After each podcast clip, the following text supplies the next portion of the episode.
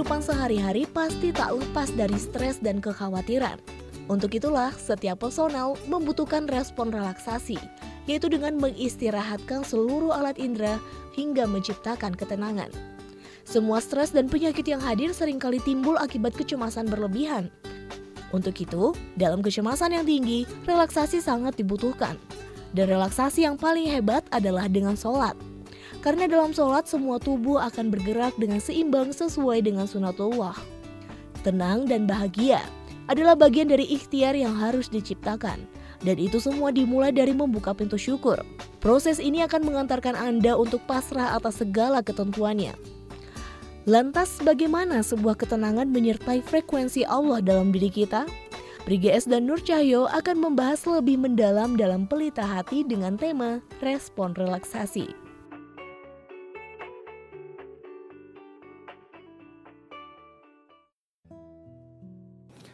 Assalamualaikum warahmatullahi wabarakatuh. Pemirsa pelita hati yang saya muliakan, seberapa jauh Anda sanggup merelaksasikan kejiwaan Anda? Seberapa jauh Anda mudah tegang oleh letikan-letikan kecil dalam hidup Anda? Tegang ini sangat mudah, tergantung tipe kepribadian seperti apakah Anda, dan juga ketahanan-ketahanan seperti apakah yang sedang Anda miliki. Saya bukan orang yang kuat kepada satu hal, walaupun mungkin saya bisa GR kuat untuk soal-soal yang lain. Saya orang yang tidak terlalu kuat bepergian. Jadi ketika menjelang hari bepergian itu datang, baru melihat kopor saya saja, saya sudah mulai psikosomatik. Jadi sebelum saya berangkat, saya sudah dihajar penderitaan. Kalau Anda tipikal orang seperti saya, butuh tirakat, butuh berlatih keras, karena perasaan semacam ini sangat menyiksa. Untuk itulah saya meminta live coach kita, Mas Nur Cahaya untuk menemani kita di pagi dini hari ini. Iya, Bismillahirrahmanirrahim. Iya, menarik tadi ceritanya bahwa dalam kehidupan sehari-hari kita memang kadang menerima tidak bisa terelakkan bahwa kita stres, tidak bisa terelakkan bahwa kita tegang sana sini, tidak bisa terelakkan kita muncul kekhawatiran yang berlebihan. Padahal satu hal yang membuat kita juga jadi yakin bahwa dalam kehidupan kita ini butuh yang disebut namanya respon relaksasi. Bahwa ternyata relaksasi itu kan mengistirahatkan seluruh lima indera kita. Apa sih pentingnya dan apa manfaatnya kalau orang tidak rileks? Iya. Tidak melakukan respon relaksasi yang pertama mudah sakit. Mudah sakit di sini sering disebut namanya penyakit psikosomatis. Hmm. Penyakit yang disebabkan oleh pikiran. Contoh yang sederhana adalah kita harus memposisikan sikap konteks tenang. Hmm. Banyak loh kita ini kadang-kadang tas sikap kita ini semua serba pengen cepat, nggak salah, tapi jadi salah kalau itu menyebabkan ketegangan di sana sini dalam tubuh kita. Cepat itu bukan berarti buru-buru ya. Buru-buru bukan, tapi cepat itu yang bolehkan adalah fokus terhadap tanggung jawab dan kewajiban yang dikerjakan. Tapi yang menarik adalah terkadang jadi bikin tegang kita. Nah, ketegangan-ketegangan itu kalau menumpuk, Iya. itu yang menyebabkan disebut namanya psikosomatis. Hmm. Ada nggak obat 10 detik bisa langsung sembuh psikosomatis kita? Ada sebetulnya. Hmm. Apa itu? Kurangilah keinginan-keinginan yang berlebihan. Indikator berlebihan apa? Maksain apa pun. Iya. Maunya Allah belum tentu maunya kita. Dan maunya Allah pasti yang terbaik. Nah, respon relaksasi kembali menjadi kebutuhan buat hidup kita. Banyak saya menemukan kasus saya selama 25 tahun sebagai life coach ah saya punya penyakit kan- kanker, saya punya nih penyakit ya penyempitan di daerah tulang ekor. Iya. Saya cuma bilang, ayo dong, tubuh kita ini hanya menjadi indikator blueprintnya kesehatan kita, khususnya perilaku kita dan cara berpikir kita. Hmm. Begitu kita berani merubah pola, tubuh kita juga akan ngikutin Oh, oke. terhadap apa yang kita lakukan. Salah satunya diawali pintu gerbangnya adalah relaksasi, punya respon, punya kecepatan untuk relax. Iya. Apa pun stimulannya, respon kita harus rileks. Benar. Ya, Mas Nur ini agak teknis sedikit.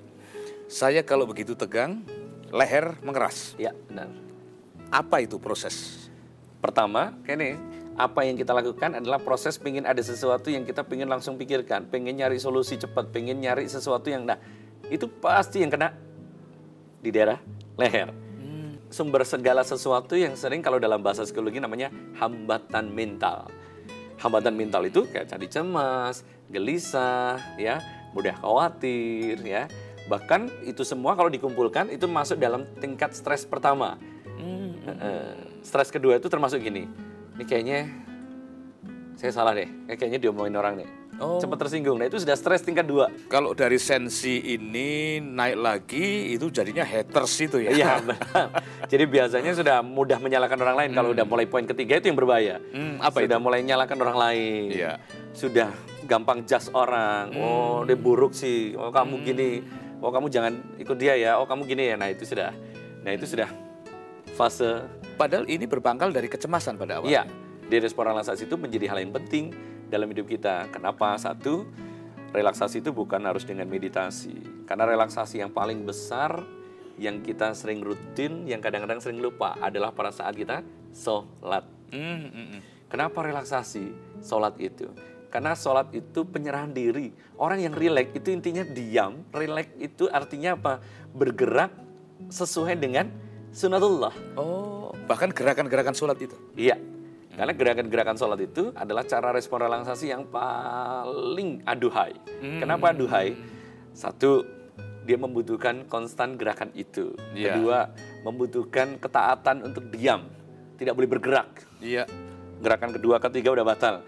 Artinya ada sesuatu proses di mana bahwa kita ini disuruh untuk tidak Makanya kenapa, mohon maaf nih saya singgung sedikit mumpung yeah. ingat, kenapa usaha di kota-kota besar itu yang namanya relaksasi laku. Iya. Karena ini? Karena ini respon relaksasi. Oh. Suruh diem. Kalau udah diem tidur. Tidur itu respon relaksasi yang paling dahsyat, yang paling puncak. Di dalam sholat ada sebuah kata yang bernama tumak ninah. Ya, Ya, nanti kita elaborasi lebih jauh bagaimana agar kita memiliki modal berespon secara rileks kita jelang pesan-pesan berikut. Ya, padahal tenang itu harus diciptakan buat diri kita sendiri. Apa itu? Yaitu satu, bersyukur. Oh.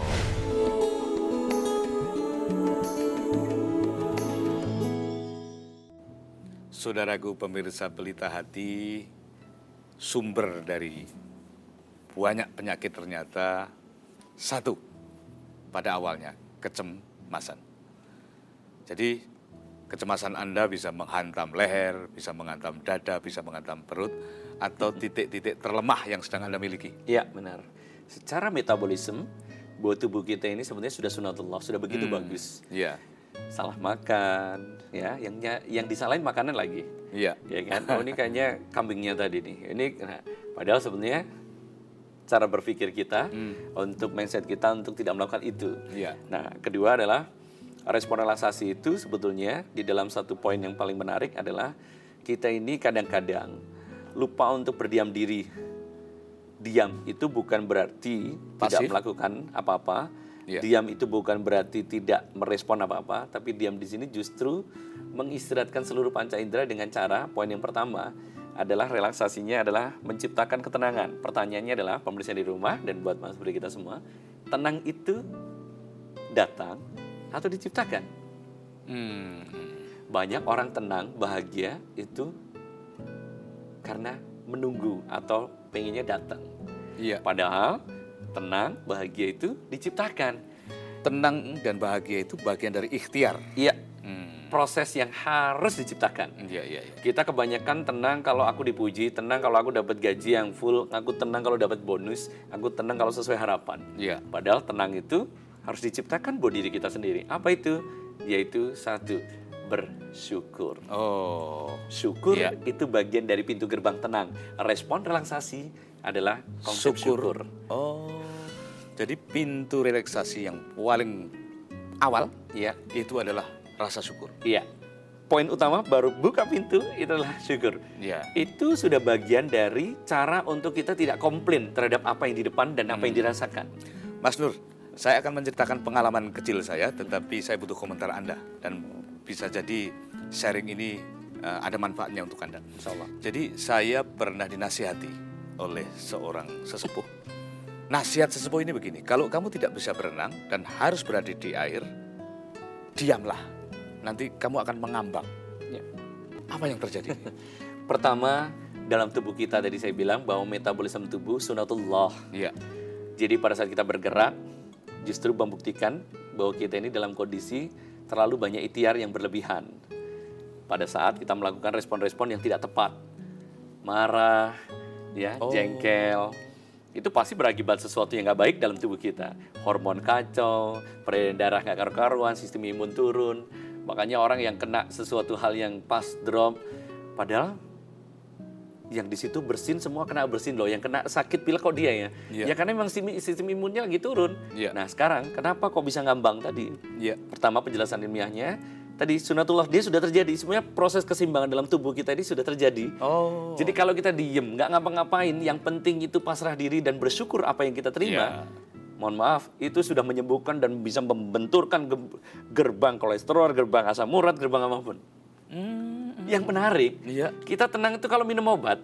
Yang menarik, kalau tenang itu kalau sudah datang kepada orang-orang ahli, nggak salah. Iya. Tapi jadi salah kalau kita bergantung, tidak bergantung buat diri kita pada Allah. Hmm, hmm. Poin pertama, konsep syukur menyebabkan keseimbangan yang kita bisa terjadi ngambang tadi. Kedua, yang tidak kalah menariknya, karena ini diciptakan diri kita sendiri, kita harus memposisikan, harus punya yang disebut namanya piranti mental. Piranti mental itu entah dengan zikir, entah ada orang yang dengan musik atau apa pun silahkan. Iya. Tapi yang paling penting adalah berpikir dalam semua yang kita lakukan itu diposisikan yang dinamis atau harmoni. Kalau saya dulu waktu dari Jogja ke Jakarta, saya kos, saya nggak punya musik relaksasi, keran saya bocorkan sedikit, saya putar krek, bunyi tis tis. Nah itu kalau kita konsentrasi itu sambil Allah Akbar, Subhanallah, tes. Ternyata nggak ada sesuatu yang sesuatu adalah karenamu ya Allah. Kebesaranmu ditunjukkan dengan suara itu. Saat itu 70-80% relaksasi. Itu seluruh tubuh itu juga jadi kendor. Oh. 27 otot langsung kendor dan hormon endorfin, hormon kenikmatan dan adrenalin langsung seimbang. Itu tidak membutuhkan teknik-teknik meditasi yang berat begitu ya? Tidak. Nah, Hanya kedua, kucuran air saja. Ah, nah itu contoh kucuran air atau suara burung. Iya. Yang kedua yaitu dengan narik nafas dan tiup. Banyak loh orang yang marah. Iya. Marah coba perhatikan semua pembersihan di rumah. Orang kalau marah itu pegang perutnya pasti keras dan pasti nahan nafas. Kenapa itu? Karena posisinya sudah posisi yang bekerja di jantung. Dia berpacu untuk ingin punya keinginan untuk menyampaikan sesuatu. Makanya orang kalau marah menanganinya adalah suruh hela nafas sebelum marah atau kalau sudah mulai gemes, hela nafas atau tiup. Itu sudah 70% tingkat emosi yang marah turun 70%. Atau minum yang kedua.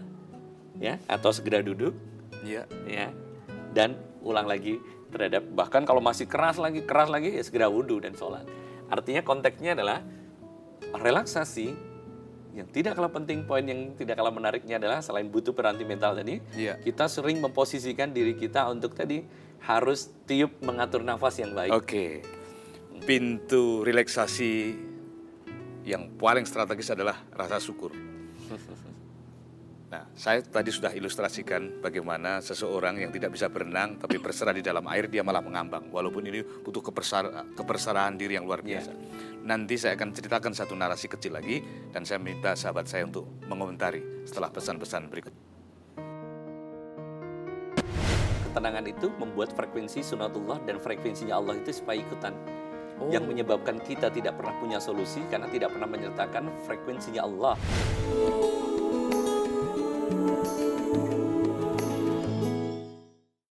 Seberapa jauh respon-respon Anda bersifat rileks?